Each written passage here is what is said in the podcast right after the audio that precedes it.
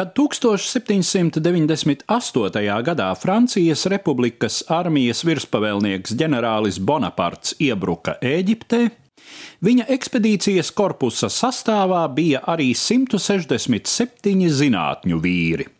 Franču ieņemtajā Kairā tika nodibināts Eģiptes institūts.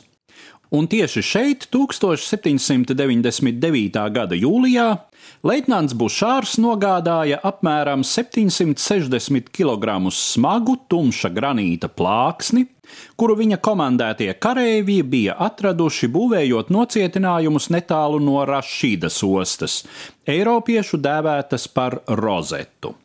Plāksnes vienu pusi klāja iegravēts teksts trīs rakstībās vienu no kurām katrs puslīdz izglītots indivīds nekļūdīgi atpazina kā grieķu alfabētu.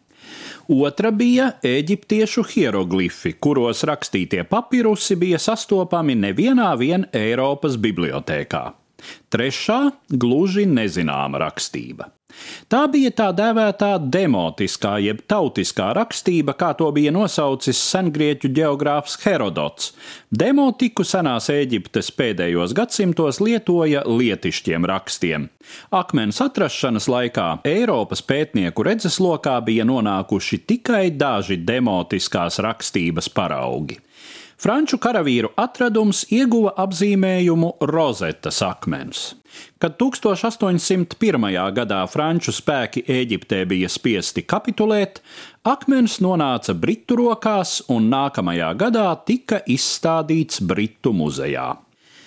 Jau pirmais rozetas akmens pētnieks, inženieris Mišels Anšs Lankrē, izteica pieņēmumu, ka akmenī iegravētais ir viena teksta trīs versijas. Ievērojot, ka grieķu teksts bija saprotams, akmens varēja atgriezt dzīvē kopš gadsimtiem zudušo seno eģiptiešu hieroglifu lasīšanas prasmi. Arī šīs rakstības ziedu laikos to prata tikai nedaudzi, lielākoties mācīti rakstveži, bet līdz ar Eģiptes nonākšanu svežzemju valdnieku pakļautībā hieroglifu pratēju skaits ar vienu saruka.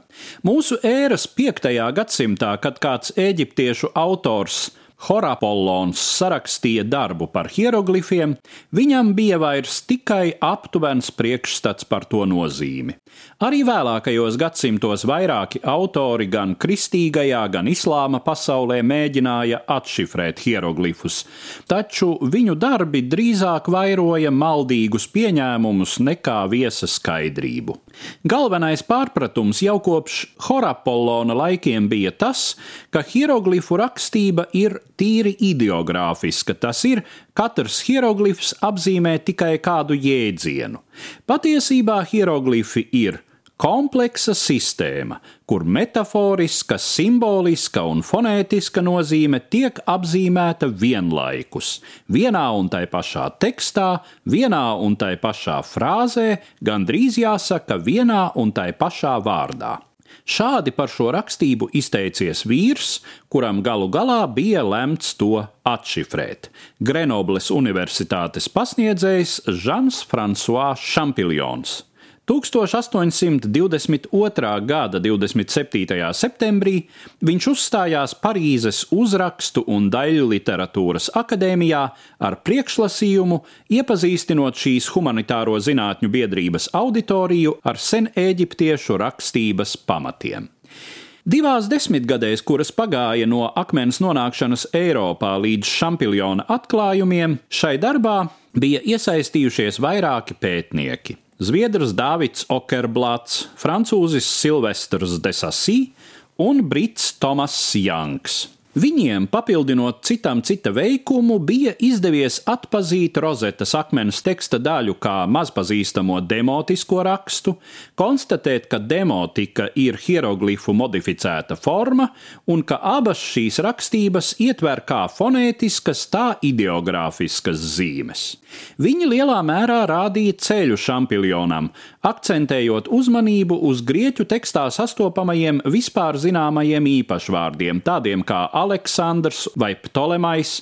Galu galā ģeniālais poliglots Šampiljons atklāja, ka rozetes akmens tekstā Hieroglifi lielākoties apzīmē skaņas un konstatēja hieroglifos pierakstītās eģiptiešu valodas līdzību ar pētniekiem zināmo koptu valodu, paverot visplašākās iespējas nākamajām eģipteologu paudzēm. Stāstīja Eduards Liniņš.